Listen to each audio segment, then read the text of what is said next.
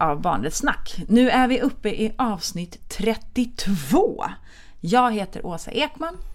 Och jag heter Linus Torgeby. Hur är läget idag? Nu har vi liksom, eh, nu har vi typ kommit igång. Nu har vi kommit igång Ja. och eh, vi eh, följer ju upp förra veckans tunga artikel med ännu en tung artikel. Mm, och det jag men hur kändes det liksom? För vi hade ju haft en paus ändå. Och så nu är vi liksom typ igång igen. Hur, hur känns det? Nej men det känns eh, jätteroligt och det känns fantastiskt och liksom komma vidare ännu djupare in i barnkonventionen i de här artiklarna som, som kanske är lite mer svårtillgängliga, svårare, som vi känner okej hur ska vi koppla det här till vardagen idag och när man väl börjar eh, när vi väl börjar prata om det så ser vi att men det finns så tydliga kopplingar in i vardagen i, i Sverige idag så att säga. Mm. Mm. Ehm, ja, det tycker jag är jätteroligt. Ja. Eh, och samtidigt är det också svårt att liksom på något sätt se ja, Okej men vad är det Det görs mycket Det finns mycket material men vad är det unika för barnkonventionen och, och, och behålla hela den här helheten som vi tjatar om men där vi ser att, ja, men, för det är ju så när man grottar ner i en fråga som sexuella övergrepp till exempel. Det finns ju saker som görs jättemycket men hur kan det här bli liksom allmän kännedom? Eh, så.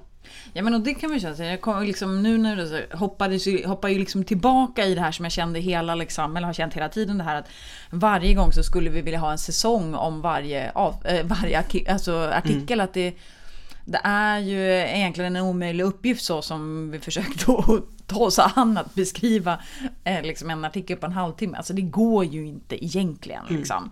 Så, att, eh, så det var väl en sån grej som jag så här kastades tillbaka i. Att, "Ja, just det, nej, men det var ju det här som var så jävla jobbigt. att jag bara så här, men gud, vi vill ju prata om det här, vi vill säga det här. Och så typ, liksom sen när den så här skiljs åt och kommer hem och så tänker man typ nästan hela veckan på, fan det där skulle jag ha sagt, det där skulle vi ha pratat om, det där, det där, det där liksom. Ja, Så, att, ja, så det, det är både väldigt roligt att vara igång igen och också lite ångestladdat. så. Men, ja, men ska vi köra igång med mm, den här veckans artikel? Artikel 38. Då tänker jag ju mig lite så här att då brukar den ju kanske få en, en väldigt tydlig bild framför sig som vi matas av liksom, på många olika sätt, typ media. Ja. Liksom. Vad, vad, vad är det jag tänker på? Ja men det är ju barn i väpnade konflikter. Eh, och då gör man ju den här kopplingen till barnsoldat. Och jag, jag kommer att tänka på, jag växte upp eh, precis, jag växte upp i Kongo och vi växte upp i gränsen till Angola. Eh, precis, så där fanns det ju stora, alltså det var ju flyktingläger men jag tänkte ju inte på det som flyktingläger då. Det var ju liksom stora byar som hade byggts upp av angolanska familjer med barn och vuxna och sånt som kom in. Och jag kommer ihåg också att det kom in en stor angolansk liksom, eh, stridshelikopter och landade på där mm, det här ambulansflyget var. Liksom. Ehm, eh, så, att, så att den här... Och, och jag gick ju inte runt och tänkte på att de här barnen som var mina kompisar som jag lekte med och spelade fotboll med ehm, jag gick ju inte runt och tänkte på dem som barnsoldater. Eh, vilket vissa av dem säkert hade varit. Eh, eh, vi är ju lite matade med den här bilden av en barnsoldat med, vi ser en Ofta en pojke som är kanske 10-12 år som står med en liksom Kalashnikov och eh, någon för stor militär skjorta och några galna, en galen bandana liksom. Eh, det är mycket det vi ser eller vad, vad, tänker, Jo vad ser men, men du? det är ju lite det jag liksom försökte få fram. Att det är ju liksom den bilden som vi matas av. Men det är ju, och så är det ju såklart för många barn också. Men, men liksom det finns ju massa, massa mer saker som egentligen den här artikeln har bäring kring.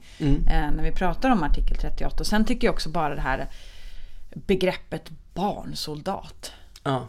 Vi åt, alltså, tänker så här, nu börjar jag så känna mig tjatig. Nej, men så här, vi återkommer bara, fan kan vi inte kalla grejer för vad de är istället liksom?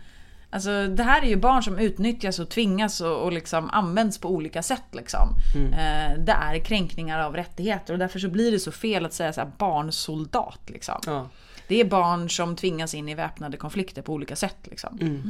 Ja, och det är ju dubbelt för att ibland vill ju vi verkligen att barnet ska lyftas fram innan.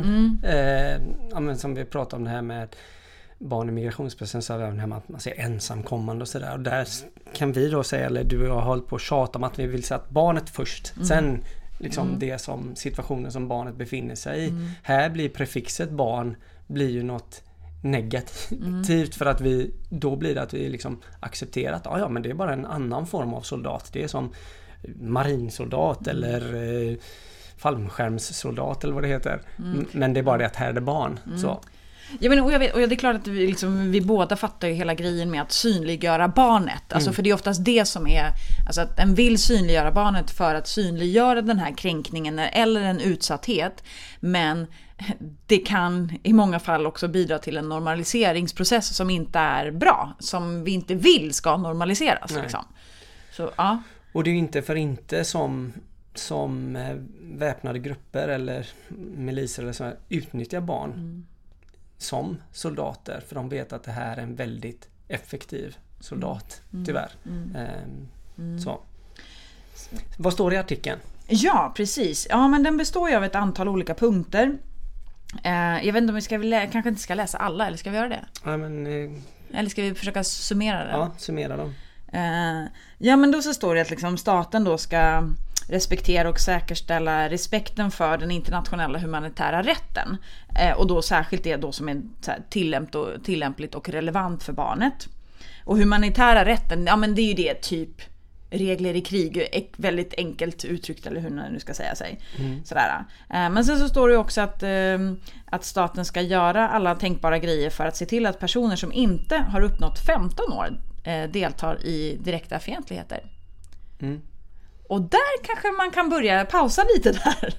Ja. För där kanske vi reagerar lite. Vad säger du? 15 år? Och så har vi artikel 1 om vem som är ett barn. Ja, precis. Ja, och det, här har vi ju det här som kommer i nästa avsnitt med tilläggsprotokollet kring mm. det här med vem får rekryteras och vem får vara soldat och när får man börja eh, ta in någon? När får en nation börja rekrytera soldater? Och det här blev ju en en väldigt infekterad fråga när konventionen skrevs. Mm. Alltså hur, mm. när får ett barn bli soldat eller när får en människa bli soldat? Ehm, och där tydliggjorde man ju då i tilläggsprotokollet att amen, eh, det är inte förrän man är 18 år. Och nu sitter jag för långt från micken här. Du, och så pratar jag allvar alltså, då blir det så fruktansvärt lågt ljud. Ja men du ser, du har, din stapel är så så jätteliten. Ja, får vi, ja. förlåt. Ja, nej men eh, ja, det var mycket diskussioner. Ja, precis. Mm. Ehm, kring eh, ja, hur ung kan en människa vara när den går in i strid, mm. helt enkelt. Och det är ju det här som blir också, det här var ju också en sån kompromiss. Alltså, de skulle inte få igenom det om det var 18 år. Mm. Eh, och därför så blev det 15. Och sen också just utifrån att också länderna har olika myndighetsålder eh, liksom, och sådär. Men men så det är ju en sån sak som en eh, då eh, reagerar lite kraftigt på att mm. 15-åringar mm, får alltså då enligt konventionen delta. Men sen så står det ju då i punkten efter. Och då så står det ju att när liksom staten då ska rekrytera personer till sina väpnade styrkor så om det är en person, de ska ju liksom då ska de ju välja den som är äldst. Alltså finns det personer mellan 15 och 18 då, om man säger så, eller de som är då mellan 15 och 18, då ska de ju sträva efter att i första hand rekrytera den som är äldst. Så att har de, eh, välj hellre 17-åringen än 15-åringen. Det är ungefär så den säger så. Ja. Mm. Och sen så står det såklart också att man ska säkerställa skyddet av barn som berörs av väpnade konflikter och så här skydda civilbefolkning och sådana saker. Så det är det som är artikel 38. Men sen berör vi ju ändå, tänk att vi kan inte prata om artikel 38 utan att prata om artikel 39. Som vi kommer liksom ha, också ha pratat om i förra avsnittet. Det här med eh, rehabilitering, liksom återanpassning, att få stöd och skydd och liksom för att någonstans kunna upprätthålla eller främja en hälsa och självrespekt och värdighet. Det är det som står i artikel 39. Så att de är ju väldigt sammanlänkade tänker jag. Har barn varit alltså bevittnat eller deltagit eller liksom tvingats delta på något sätt i väpnade konflikter, att då har också barnet rätt till rehabilitering. Alltså mm. att få det stöd som barnet behöver för att kunna liksom återgå och hitta liksom en hälsa i framtiden. Mm. Så. Och 35, mm. artikel 35 kan vi också komma in på. Ja, absolut. Eh, om liksom, eh, att man ska förhindra liksom bortförande och så vidare, eller handel med barn och så oavsett vilket syfte. Och så. Mm. så det är flera artiklar, men man kan ju ändå så börja fundera då på, men okej, okay, när vi nu snackar liksom väpnade konflikter. vad, vad är det här för koppling till Sverige egentligen? Ja, nej, men det, och det är ju det som, som vi sa där med den här bilden av barnsoldaten i ett avlägset land som har varit mm. liksom krigsridet under många år. Mm. De, har liksom, de, de som har rekryterat de här är liksom inte människor längre och bla bla bla. Alltså det blir något väldigt konstigt över det. När vi samtidigt ser att eh, men Sveriges liksom vapenhandel slår rekord och mm -hmm. till mhm. vissa av de här länderna som berörs krig där det finns jättemycket barnsoldater. Mm. Eh, till exempel Jemen där vi vet att ja, men där har Sverige sålt krigsmaterial till länder som är insyltade i det här. Så att det finns liksom en dubbelhet i det att det är lätt att på något sätt fördöma de här samtidigt som vi har en... Vi bidrar till det. Som vi bidrar till det och som andra länder som också har signerat konventionen finns med liksom och upprätthåller liksom krigsspiralen hela mm. tiden. Och där vi också vet att krigen drabbar alltså från det här liksom att ja, men det är soldater och stridande och sådär och ja, men som du säger den humanitär rätten som mm. pratar om hur ska vi hantera fiendestyrkor och mm. sådär. Där vi vet att ja, men det är civila kvinnor och barn som drabbas mest mm. liksom. Mm. Um, och då kan en ju också, så här, nu hoppar vi egentligen över frågan, men vi kommer tillbaka till hur det här påverkar så här. Men, men då kan en ju också egentligen vara jävligt kritisk till att, jag menar, nu har vi den liksom, vi har humanitära rätten. Vi har, det finns massa olika dokument och så har vi barnkonventionen då som säger att barn inte får, alltså att vi inte får göra det här. Och lik förbannat sker det. Ja. Så egentligen kan han ju vara så superkritisk liksom och ställa sig frågan, men vad gör det här för skillnad? Ja. ja det... Och samtidigt kan man ställa sig frågan, ja vad hade det varit om vi inte hade haft dokumenten? Nej men ja, där blir man ju bara he helt vansinnig när, jag, när man hör, hör de här rapporterna om krig. Som nu tar vi eldupphör och startar en krigsbro och så mm. sen samtidigt hör man om barn som liksom tar livet av sig mm. inne i en belägrad stad i Syrien liksom mm. för att de inte ser någon annan utväg liksom. Och, ja, äh, det är fruktansvärt liksom. Mm. Eh, och man kan känna att eh, ah, här blir man vansinnig. ah, det, ja, men väldigt, det blir ju eh, också liksom så här, så här, barn alltså runt om i världen på många Alltså kanske aldrig faktiskt har levt i fred. Ja, nej. Alltså tänk alltså hela din barndom. Mm, ja, ja, visst. Mm. Och, och, och, um... Men nu är vi inne på internationella igen. Ja. Nej men där, där ja, är det ja, ju jo, på något precis. sätt. Men vi måste ändå säga det. Ja, men... och, och, kopplingen tänker jag också är att man säger att ja, men barn i, i krig de liksom fråntas ju liksom skola, släkt, alla de här grejerna och sen så kanske de här barnen flyr hit och där blir mm. kopplingen liksom att ja, man ger tillbaka barnen. Men man brukar prata om det här med att skolan är jätteviktig mm. och så. Det är också mm. att man har blivit fråntagen allt det där. Mm. Eh, mm. allt det här vanliga liksom fritid och lek och Kanske få börja, familj. En, ja, mm. få börja i en aktivitet och att alla de här grejerna att liksom påbörja det här liksom helandet på något sätt mm. när man kommer hit till Sverige då. Mm. Mm. Ja, men och sen tänker jag, vi har pratat om också hur det berörs. Ja, men vi pratar om vapenexport och sådär. Men sen, jag tänker också att barnen ju är anhöriga kanske utifrån att Eh, du kanske har en förälder liksom i Sverige som faktiskt har utlandstjänst som liksom arbetar i konfliktdrabbade områden på olika sätt. Mm. Alltså då drabbas ju barnen som anhöriga men på ett helt annat sätt liksom. Ja. Um, eller jag tänker liksom kanske då barn vars vuxna eller föräldrar, som, alltså barn som lever i Sverige men vars föräldrar eh, vill delta i stridigheter. Då tänker jag kanske det som man rätt eh, brutalt brukar kalla för IS-barnen, vilket jag tycker är liksom, mm. ja, återigen, nu pratar vi, det är barn liksom. Ja. Eh, och, och det är ju också barn som, som liksom hamnar i någon slags spel eh, och som inte anses vara barn och som då inte helt plötsligt anses vara svenska för, ja. Så att barnen drabbas ju på det sättet också. Mm. Alltså både som att hamna i direkta liksom, stridigheter eller konflikter eller att vara anhörig, att bevittna, att, liksom, att befinna sig. Så att barn drabbas på väldigt många olika sätt och det har ju kopplingen till Sverige på jättemånga olika sätt. Ja, verkligen. Sitta mm. i krigs eller vad heter det, fångläger mm. och kanske födas där eh, med en pappa eller mamma som har blivit dödad eller dör medan man är där. Och, och, här är det ju verkligen igen då med den här tanken på att eh, krig är ingenting som barn hittar på. De har inte bett om det, de är inte liksom initiativtagare, de är inte där liksom. Mm. Och samtidigt hur vi då i Sverige just de här exemplen blir väldigt märkliga i våra uttalanden. Mm. Eh, och där vi också vet att det finns liksom en stor eh, liksom, eh, ganska många i Sverige som tycker att nej men de får faktiskt stanna kvar där liksom. Mm. Fastän mm. de här barnen inte har bett om att få åka dit eller födas där eller vad det är. Exakt, exakt. Och det är ju det, barnkonventionen gör ju inte skillnad på barn. Nej. Så som vuxna gör det liksom. Nej. Mm. Ska vi bara säga, säga någonting också då, det här när vi pratar om liksom barn i konflikter. Eh, eller väpnade konflikter, väpnade grupper och så vidare. Vi kanske ska säga, det är ju väldigt lätt utifrån att bilden som vi har, som vi liksom har blivit matade med, är ju precis som du nämnde den här liksom, eh, unga pojken med ett automatvapen.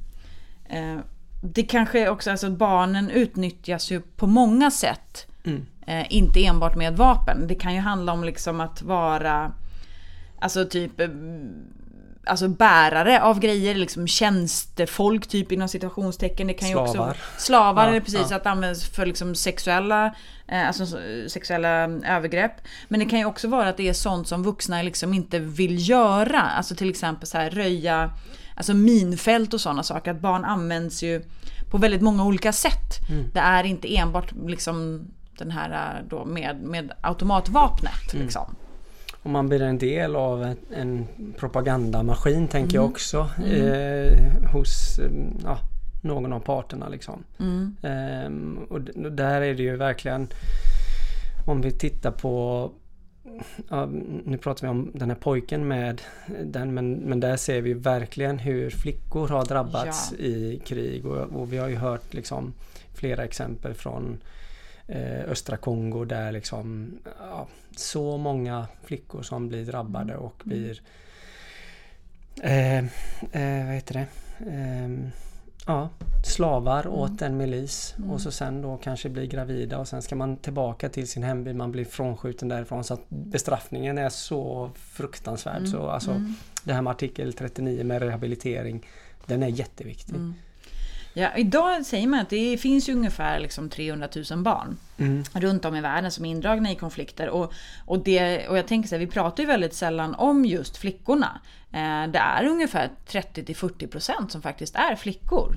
Eh, som är det, även om det är liksom mestadels de här pojkarna vi ser. Men det jag också tänker, alltså hur tjejer drabbas också, det är ju att många gånger så kan det också vara att det anses vara liksom säkrare att flickorna då eh, vad ska jag säga, att tvinga in flickorna i äktenskap, även om det inte ses som tvång. Men mm. just för att det anses vara säkrare. Och då tänker jag att då blir det också det sexuella våldet mot barnet. Och jag tänker att barn då som flyr, då kanske vi inte ser att det har med liksom, väpnade konflikter att göra på det sättet. Att det anses som ett skydd mot barn, men det är ju samtidigt ett övergrepp. Liksom. Ja.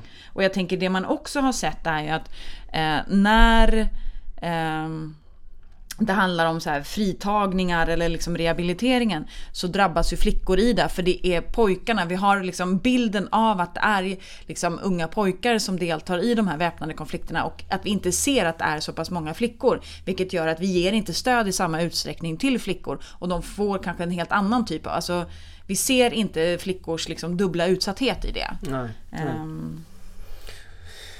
och, där är det ju det som är så krångligt är ju också att militär och polis och gendarmeri i vissa länder är ju också den liksom den del av kanske staten som funkar på något sätt. Mm. Så det är också att man på något sätt också kanske i vissa fall dras dit. Alltså det är där det finns liksom möjlighet att få en lön och det är också så hemskt att det, den här cykeln bara byggs ju på hela tiden. Mm.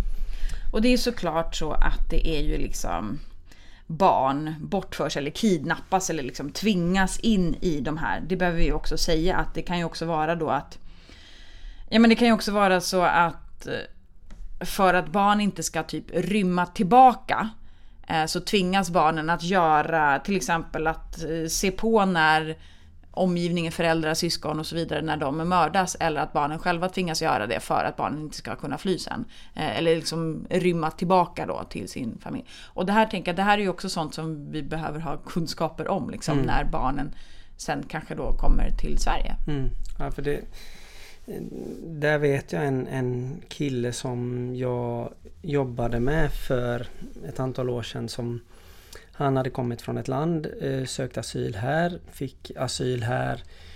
Och han var jättegod, jättemjuk pojk och eh, sådär. Och samtidigt så var det någonstans att man märkte att men det är någon slags eh, mörker här och han kunde liksom hamna i situationer när saker och ting bara låste sig helt totalt. Och den här mm, pojken liksom... Och, och det här var också för ganska många år sedan så att det här med att det var många som kom till Sverige eller fler barn som kom till Sverige. Det fanns inte så att specialistkunskaperna var inte så liksom De var inte så djupa Nej. liksom. Så att det, det, var ingen som funderade om detta och han Fortsatte upp i tonåren, hamnade i bekymmer och så vidare och så vidare och till slut då så möttes våra vägar igen då. Mm. Och då berättade han om att nej, men han eh, hade varit med om olika saker. Eh, och sen då hade han fått träffa en terapeut och där hade han kunnat berätta om att han hade varit del av eh, väpnade liksom, styrkor. Han mm. hade hållit vapen, han hade dödat folk och sådär. Och det visste inte vi när han stod där och var fem, 15 år liksom. Att han hade varit en del av detta. Mm. Ehm, den naturliga kopplingen. Vi vill inte att det ska ske, därför ser vi det inte. Nej. Vi vill inte Nej. att det ska vara så. Vi vill inte att eh, någon ska ha upplevt det. Och att ta till sig det och att eh, ställa de frågorna är inte någonting som görs heller alltid Nej. i eh, asylprocessen. Nej men för det är det jag tänker lite så här, vilket stöd finns egentligen för barn? För ett barn eh, som är i Sverige, som, kommer, som har liksom olika typer av erfarenheter och liksom av de här liksom våld, övergrepp, kränkningar eh, i samband med konflikter. Vad, vad, finns det egentligen för stöd för barn? Och där tänker jag att man får börja med den här eh, som vi har pratat om, alltså fråga vuxna. Vi måste fråga barnen och sådär. Och om barn inte blir tillfrågade då ser man inte heller eh, ja, men, eh, då kommer de inte heller svara. Mm. Och sen vet vi också att om allt det här är liksom skuldbelagt, skambelagt, man har gjort saker som man inte vet får, mm, att man borde göra och sådär. Och, och då i en eh, utredning, i en asylutredning, eh, då kanske man inte vågar berätta om detta. Man får kanske inte den direkta frågan. Ehm, kommer man med sina föräldrar eller en förälder eller vårdnadshavare, då kanske man struntar i att prata med barnen eftersom man inte måste göra det. Ehm, tyvärr. Och, och, och, då finns det ju heller ingen liksom flagga som hissas upp här att men här är det här barnet och det här barnet behöver stöd och så. Eh, jag menar, många av de här barnen kommer ju från väpnade konfliktområden. Syrien, Afghanistan, Somalia och så vidare. Där, det, där militären är liksom hela tiden närvarande. Om man tittar på artikeln då ska ju de måste de ju ställa de här frågorna. Mm. Men om de inte får frågan mm. där så kommer man ju vidare till liksom ja, inskrivningssamtal i skolan. Mm. Får jag bara avbryta ja. dig med en grej där ja. innan, men vi håller kvar inskrivningssamtal ja. i skolan. Men det jag tänker är också en grej, för det här var också det som så här, barnrättighetsutredningen visade att Alltså när vi pratar om liksom barnets rätt att komma till tals, att göra sin röst hörd, så är det så att vi vuxna ju, kan ju, och särskilt tänka i den här typen av sammanhang, och liksom barn i asylprocessen och så barn som har varit med om, om svåra saker, att vi som vuxna är ju rädda för att fråga barnet om vad barnet har varit med om, för vi är rädda att skapa ett trauma. Att, det liksom, att vi ska snarare försvåra saker och ting för barnet, så därför frågar vi inte om det, istället för mm. att tänka på att vi behöver skapa en, en fredad, en skyddad liksom zon för barnet att kunna berätta. Mm. Så vi skyddar barnet från deltagandet istället för att skydda barnet i det. Mm. Och där tänker jag också, det som Sverige har fått kritik för här är ju också i utlänningslagen det här olämplighetsrekvisitet. Mm. Att det står att vi ska höra barnet om det inte är direkt olämpligt. Och det här sa ju kommittén liksom men kommentera vi vill gärna att ni beskriver vad är en olämplig situation att höra barn. Mm. Och Sverige svarade bara, det kan ju vara olämpligt ibland, bla bla bla, mm. vet, så här svepande. Och de bara, när? Kan ni berätta en konkret situation, när är det olämpligt att fråga barn? Liksom? Mm. Eh, så att vi behöver liksom skifta det sättet att tänka där, att inte skydda barnet från att göra sin röst hörd, utan skydda barnet i det. Så, mm. mm förlåt, Skol, eh, skolsamtal. Nej men och där tänker jag bara att, att de här då som ska prata med barnet är ju oftast skickliga liksom. De vet ju att men, Frågar jag har du eh, hållit i en k-pist? Då kommer barnet säga nej. Utan där, där tror jag att det handlar om att visa att men jag förstår din bakgrund. Jag ser att du kommer från det här området. Där har det varit mycket stridigheter. Eh, det kan vara så att du har sett någonting. Det kan vara så att eh, då finns jag alltid här. Då kan du gå in dit till kuratorn. Vi vet att det kan vara jobbigt. Det kommer påverka dig. Du kanske har mardrömmar. Alltså sådär. Eh, och det kan göra att du har svårt att lära dig svenska eller hänga med på lektionerna eller sådär. Men då ska du veta att det, Och sen får man följa upp det här då. För att det vet vi också att de här sakerna när barn har varit med om svåra saker kan man ju behöva upprepa det här flera mm. gånger. Liksom, att göra, ja men här måste vi ha avstämningar och eh, inspel i klassen och mm. så vidare. Mm. Eh, och sen finns ju de här hälsoscreening också som man ofta gör då. Att man går på till en vårdcentral och tittar på vilka vaccinationer man fått och hur har det varit och sådär. Och där är det också viktigt att den personalen kanske berör de här frågorna också då. Hur har du var, vad har du varit med om och sådär. Och det finns såklart utbildning och det har ju mycket ja. av den personalen men det finns ju också ytterligare utbildning och det ja. finns ju liksom specialist och expert ja. eh, hjälp att få. Mm. Men någonstans så tänker jag att det viktigaste är väl egentligen att inte ignorera det faktum att väldigt, väldigt många barn faktiskt har olika typer av kopplingar och har erfarenheter och har sett saker och liksom mm. faktiskt bär med sig väldigt svåra saker. Ja, och sen tänker jag ju också för att man tar det samtalet för de barn som kommer med föräldrar och berättar för föräldrarna att så här så här kan det se ut för att där kan också föräldrarna bara ha en önskan om att nu lägger vi bara det här bakom mm, oss och nu exakt. fokuserar vi bara på våran tid i Sverige och hur vi ska ha det. Nu ska det vara bra, nu ska det gå i skolan, nu skiter vi i det som har hänt. Men där kan det också vara viktigt att prata med föräldrarna om att men ni har ju varit med om det här och det här och det här. Du drömmer ju och fantiserar mm. om det som hänt. Det gör ju ditt barn också. Mm. Att man mm. tillsammans jobbar med familjerna med det här liksom. Så att det mm. inte blir onämnbart och sådär. Um, och här finns det ju liksom massa kunskap kring liksom trauma och PTSD och sådär som man kan fördjupa sig i. Och, och, här finns det också olika grader av eh, hur svårt eh, skadade barn är av det som de har varit med om. Så, beroende på vilket skydd och sådär man har haft sen innan. Mm. Mm. Mm. Och mm, jag tänker det finns ju också så här eh, en hel del att läsa om en vill. Mm. Alltså det jag tänker så här, om man ska ta någon sån här tips. Alltså Rädda Barnen har ju en poddserie som heter Rädda Barnen Dokumentär tror jag. Eller nej, inte tror, den heter Rädda Barnen Dokumentär. Ja. Och då har de ju till exempel ett par avsnitt om då heter det tror jag IS och de svenska barnen i Syrien. Så det är någonting som man liksom att lyssna på. Jag tänker också att det finns en, eh, en avhandling från 2017, en norsk forskare som heter Milfrid Tornheim. För jag tänker, det här är, alltså när det handlar om eh, barn i väpnade konflikter, det kanske inte är så mycket som forskas på. Eh, och det hon har gjort är att liksom forskat på flickor. Mm. och då heter den A Troublesome Transition, Social Integration of Girls Soldiers Returning Home, och så home inom citationstecken. Eh, så det är två tips liksom, till mm. exempel som om man vill eh... och, och, Sverige hade ju en plats i säkerhetsrådet här för några år sedan och då jobbar man ju en hel del med barn i väpnade konflikter. Det var en av fokusfrågorna som Sverige vill jobba med. Eh, och där finns också en hel del material.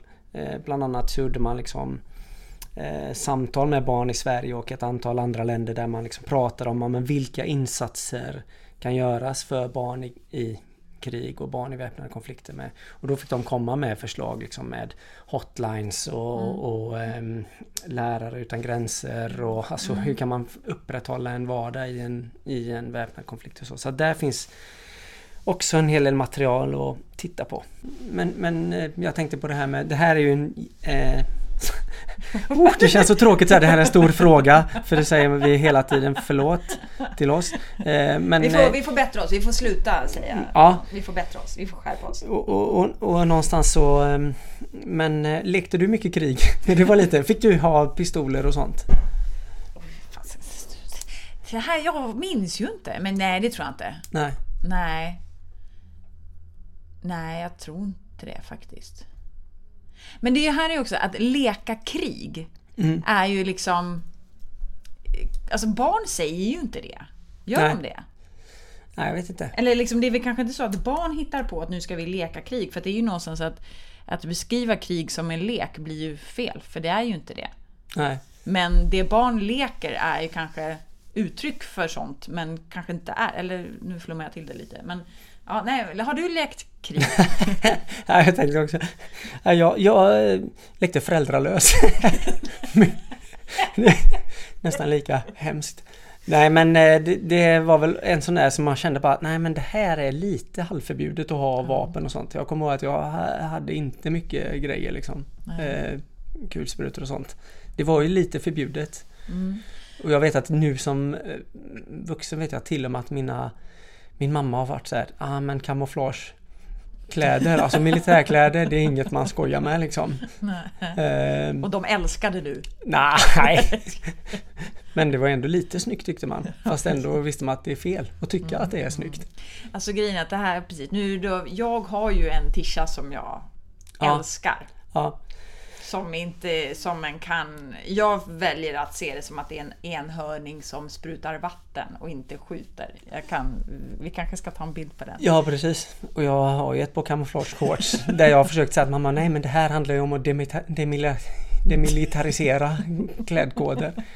Nej men det är ju det på något sätt och det som och det är ju det här det är att en barn ett, i en grupp av barn som leker krig helt plötsligt kan du eller en grupp av barn som leker kanske man ja, ska säga. Ja precis. Mm. Där man har eh, pinnar och sånt som är gevär. Helt plötsligt kan det komma ett barn dit mm. som får flashbacks och mm. där det här är fullt allvar. så. Mm. Men här tror jag också att barn klarar av att hantera det här kanske mm. bättre än vad vi mm. vuxna gör. Ja, men alltså, det, det jag tänker också, det är så lätt att vi ska moralisera. Eh, men jag tänker att eh, barns lek är också barns lek. Ja. Eh, dels att barn har rätt till lek, men jag tänker att det kan ju faktiskt också stå för helt andra saker. Ja.